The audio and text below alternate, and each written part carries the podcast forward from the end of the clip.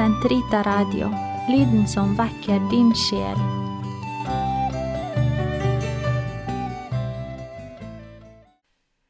Karmels hage, sesong to, episode to Måtte Herrens engel være med deg på veien og ledsage deg. Tittelen på dette programmet er pave Pius den ellevtes hilsen til prester som ble sendt ut på nytt oppdrag. Jeg skal snart fortelle dere om hvor jeg fant dette sitatet, og litt mer om hvordan Gud jobber med oss, alle, når Han ønsker å undervise oss om bestemte ting.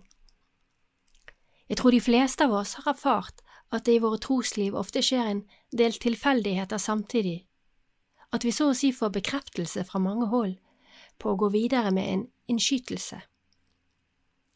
Det skjedde med meg i oktober i fjor, eller september-oktober i fjor, da jeg forberedte Karmels hage for advent og jul. Jeg oppdaget englene. I min iver fortalte jeg dette til en karmelittvenn, og jeg fikk anbefaling om en utrolig inspirerende og vakker bok, Englerne, tro og erfarenhet, av benediksinersøster Silvana Tengsberg. Så før vi går videre med å fortelle litt mer om englebesøk, så må jeg altså anbefale denne lille boken til dere. Jeg har lagt bestillingsinformasjon på hjemmesiden. Dessverre kan vi ikke bestille bøker på nett fra Sverige av en eller annen grunn, men en mail direkte til forlagene ordner med både bok og betalingsinformasjon. Og denne boken heter altså Englerne, tro og erfarenhet. Det er sjelden man finner bøker som både er full av informasjon og samtidig leder til bønn og andakt, men dette er en slik bok. Den er på en og samme tid en grundig og lettfattelig teologisk innføring om englenes plass og virke i Bibelen, kirken og våre liv, og dyp inspirasjon til selv å stole på englers hjelp. En diamant av en bok ikke bare gjennom teksten, men også de mange vakre og fargerike ikonene fra siste, søster Siluanas hånd som pryder boken. Visste du for eksempel om pave Pius sin hemmelighet, som lettet hans oppdrag da han i sin tid var diplomat på Balkon? Når vi må snakke med en person som er lite mottagelig for våre argumenter, anroper vi skytsengelen vi anbefaler saken til ham. Vi ber ham snakke med skytsengelen til den personen vi skal møte. Når kontakten mellom disse er vel etablert, letter det samtalene i betydelig grad. Det var pave Johannes Paul den 23. som avslørte denne hemmeligheten. Han var grundig bearbeidet av sin forgjenger på dette feltet. Tenk, vi har alle en skytsengel, og vi kan alle, bare ved å sende den en tanke, får hjelp til alle tider. Mange mennesker har også et nært forhold til englene. Om fire av dem skriver hun i bokens andre del, der vi gjennom noen utvalgte mennesker, deriblant Padre Pio, får høre litt om deres historier. Men dette er vel bare for noen, kan vi vel undre oss? Nei, svarer søster Siluana, og jeg siterer fra bokens side åtte. De fleste mennesker trenger ikke å se en engel for å bli hjulpet. Salige er de som ikke ser, men likevel tror, sier Jesus i evangeliet. Gjennom en økt bevissthet om deres eksistens kan vi bedre se gavene Gud har gitt oss i englene. Vi oppdager usynlige venner og får gleden av å forstå mer av den flerdimensjonale virkeligheten som omgir oss. Livet er spennende og virkeligheten overtrekker, overtreffer fiksjonen. Denne virkeligheten er sannelig et spennende eventyr. Og dette eventyret, denne historien, denne virkeligheten, den gjelder både deg og meg. I dag, i denne episoden, vil jeg fortelle dere min historie med hvordan jeg oppdaget englene. Og jeg er sikker på at dere, når dere tenker dere om, eller kanskje dere ikke engang trenger å tenke dere om, har deres egen.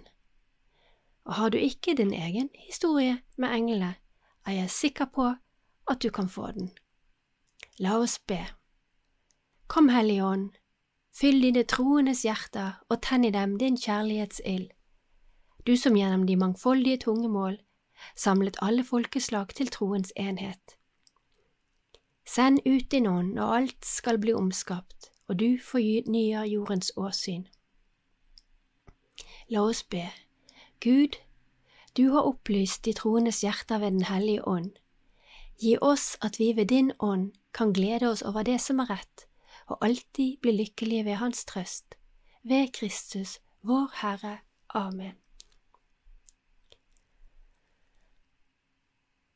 Noen har prøvd å lære meg om englene i lang tid, men jeg var ikke mottagelig. Helt siden begynnelsen på 2000-tallet har jeg hatt en eremittnonne som har fortalt meg mange og overbevisende historier om englene. Hun hadde egne erfaringer og kunne til og med se dem. Hun ga meg sågar en bok om erkeenglene som jeg nylig fant helt ulest i min hylle en tid tilbake. Lot jeg meg inspirere? Jo, jeg har fulgt hennes råd om å sende min verneengel til mine kjære når angsten for dem har vært for stor. Jeg har til og med rådet andre til å gjøre det samme. Men litt mer på samme måte som en ikke-troende ber til Gud når alle andre muligheter er uttømt. Også i vår familie var det engler. Mange. Min kjære mor hadde nemlig englekveld med syklubben sin hvert eneste år før jul, og engler i alle mulige fasonger og utføringer fant veien til meg som julegave. Jeg har lagt en liten smakebit på et bilde på hjemmesiden. De har alle salige smilefjes som en svigerinne malte på med stø hånd, så hele storfamilien er involvert i disse englene. Derfor har vi ved juletider hatt engler i hele huset. Noen er kjøpt og noen er hjemmelaget. I dag minner de meg om min nå avdøde mor og hennes intuitive tro på de gode kreftene i verden. Jeg arvet sågar en liten engleskare av henne, som nå har fått sin egen hylle i mitt bønnerom. Men har jeg viet englene oppmerksomhet, bortsett fra sporadiske tanker og takksigelser, når jeg har kunnet se at jeg eller noen jeg var glad i, hadde hatt såkalt englevakt? Som den gangen en lege brukte ordet i forbindelse med en alvorlig ulykke, der en person som jeg var veldig glad i, og er fortsatt veldig glad i, var en hårsbredd fra å ende med død eller uførhet? Svaret er nei. Og så plutselig skjer det noe. Jeg er på vei til jobb, på sykkel, og jeg får en påtrengende, intuitiv impuls om å inkludere erkeengelen Mikael i mitt daglige bønneliv. Lite visste jeg da at det var dagen før festen for erkeenglene og at den presten jeg tilfeldigvis skulle nevne dette for allerede forrige søndag, hadde funnet frem til den gamle kir kirkens gamle bønn om Mikaels beskyttelse. Den ble allerede samme dag del av morgen og, min morgen- og kveldsbønn.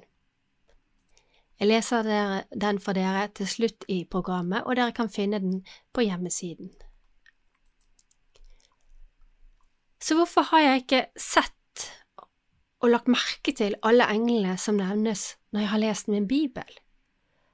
De nevnes tross alt i en eller annen form over 560 ganger. Det fromme svaret er at jeg har hatt mer enn nok med å ta til meg og tilbe treenigheten. Men det langt mindre fromme svaret er det at jeg visste at skulle jeg forholde meg til Guds engler, så måtte jeg også forholde meg til de falne englene, dem som Mikael styrtet ned fra himmelen, og det var litt mindre behagelig. Men dette er jo en av de store farene i dag. Vi vil ikke forholde oss til demoner og djevelen. Det skaper ubehag, det virker gammeldags. Nei, vi vil ikke.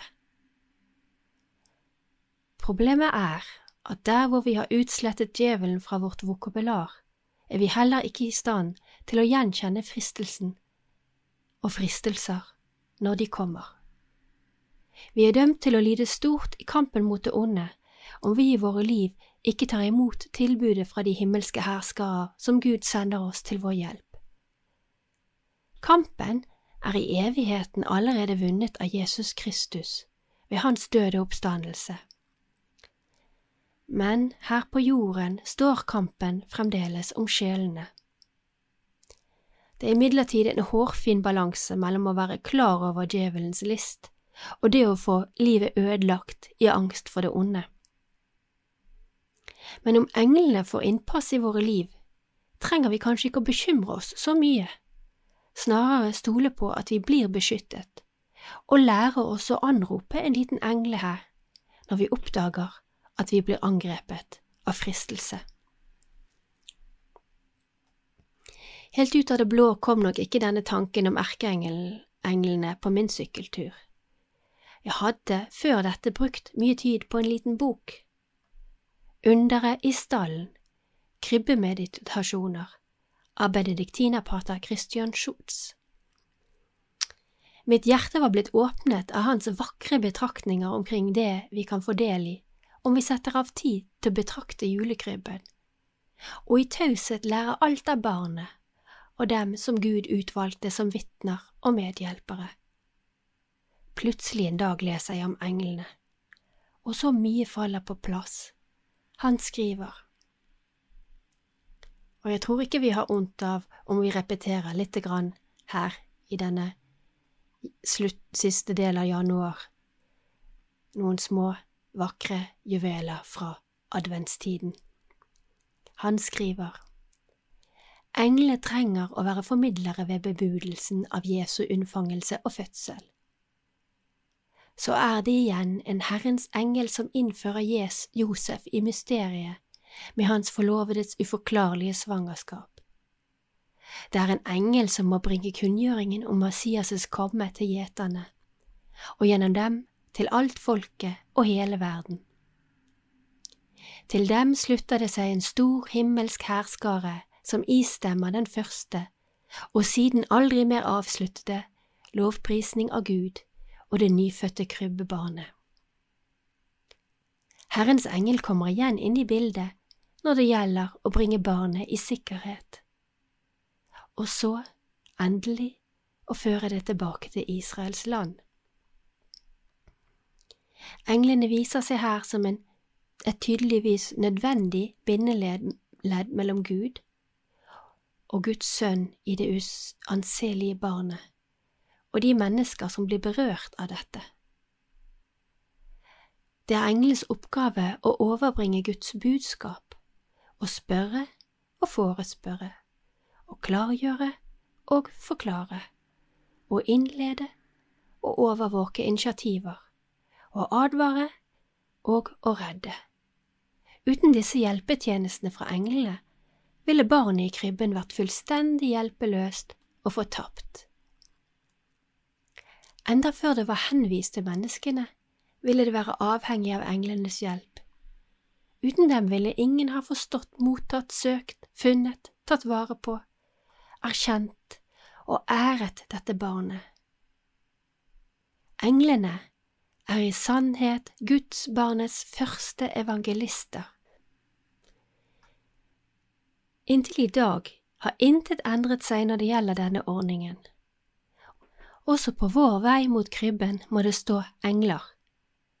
Da er det underordnet hvem de konkret er, og hvordan de ser ut. Uten noen engel kan ingen nærme seg barnet og virkelig forstå det. Det ville være formastelig hvis noen trodde at de på stående fot og av egen kraft kunne finne den riktige veien til Betlehem. Engler må åpne våre ører og øyne for underet. De må bringe oss inn på veien og vise oss stedet. Også for oss må de istemme Lovet være Gud og lære oss den sanne lovprisning. Sitat slutt, og vi finner disse på side 72 i boken. Plutselig så jeg, plutselig hørte jeg disse englenes herskare, som ifølge vår katekisme er skapt ved ham og for ham. Hvordan kunne jeg da ignorere dem? Plutselig skjønte jeg at ingen av disse lysets åndevesener kunne skille meg fra Jesus Kristus, de som nettopp er satt til å tjene ham, tjene oss. De er Guds sendebud til menneskene. De tar ikke vekk fokus fra Kristus. Det forklarer katekismen oss, og jeg siterer fra punkt 331. Kristus er midtpunktet i engleverden. De er hans engler. Men når menneskesønnen kommer i guddomsglans omgitt av sine engler, Matteus 25, 31, de tilhører ham fordi de er skapt ved ham og for ham. Og vi siterer Kolosserbrevet 1,16. For i ham var det alt ble skapt, i himmelen og på jorden, de synlige som de usynlige ting. Om det så er tronende vesener eller herskere, makter eller myndigheter, ved ham og for ham er alt blitt til. De tilhører ham enda mer fordi han har gjort dem til budbærere om sitt råd til frelse. Og vi leser fra Hebreabrevet 1, 14 til slutt. Er de ikke alle sammen ånder i Guds tjeneste, utsendt for å bistå dem som skal motta frelsen? Så er det bare én ting å gjøre, erkjenne med hvilken kjærlighet og iver de ønsker å hjelpe oss på vår trosvei og hvor det ville glede dem om vi ba om deres hjelp, og anerkjente dem med takk. Ikke kun på de dager Kirken har satt til dette. La oss i vår nød ta lærdom av Jesus i Getsemane, som tok imot en engel som gikk ham til hende i hans nød. Og la oss med himmelens herskare prise ham som kom til vår jord i Betlehem og ved korset forløst oss for all evighet. Ikke minst, la englene hjelpe deg og dine kjære i det daglige livet. Og vi avslutter i dag med bønnen til erkeengelen Mikael, som jeg nevnte for dere innledningsvis i programmet. Den ligger også på Karmels Hages hjemmeside. Hellige erkeengel Mikael, forsvar oss i striden verge oss mot djevelens ondskap og list. Ydmykt trygler vi om at Gud må holde den onde i age, og deg som er høvding for de himmelske hærskarer, ber vi om at du, med den kraft som Gud har gitt deg, vil styrte i avgrunnen Satan og de andre ondskapens ånder som ferdes omkring i verden til sjelenes ulykke. I Faderens og Sønnens og Den hellige ånds navn. Amen.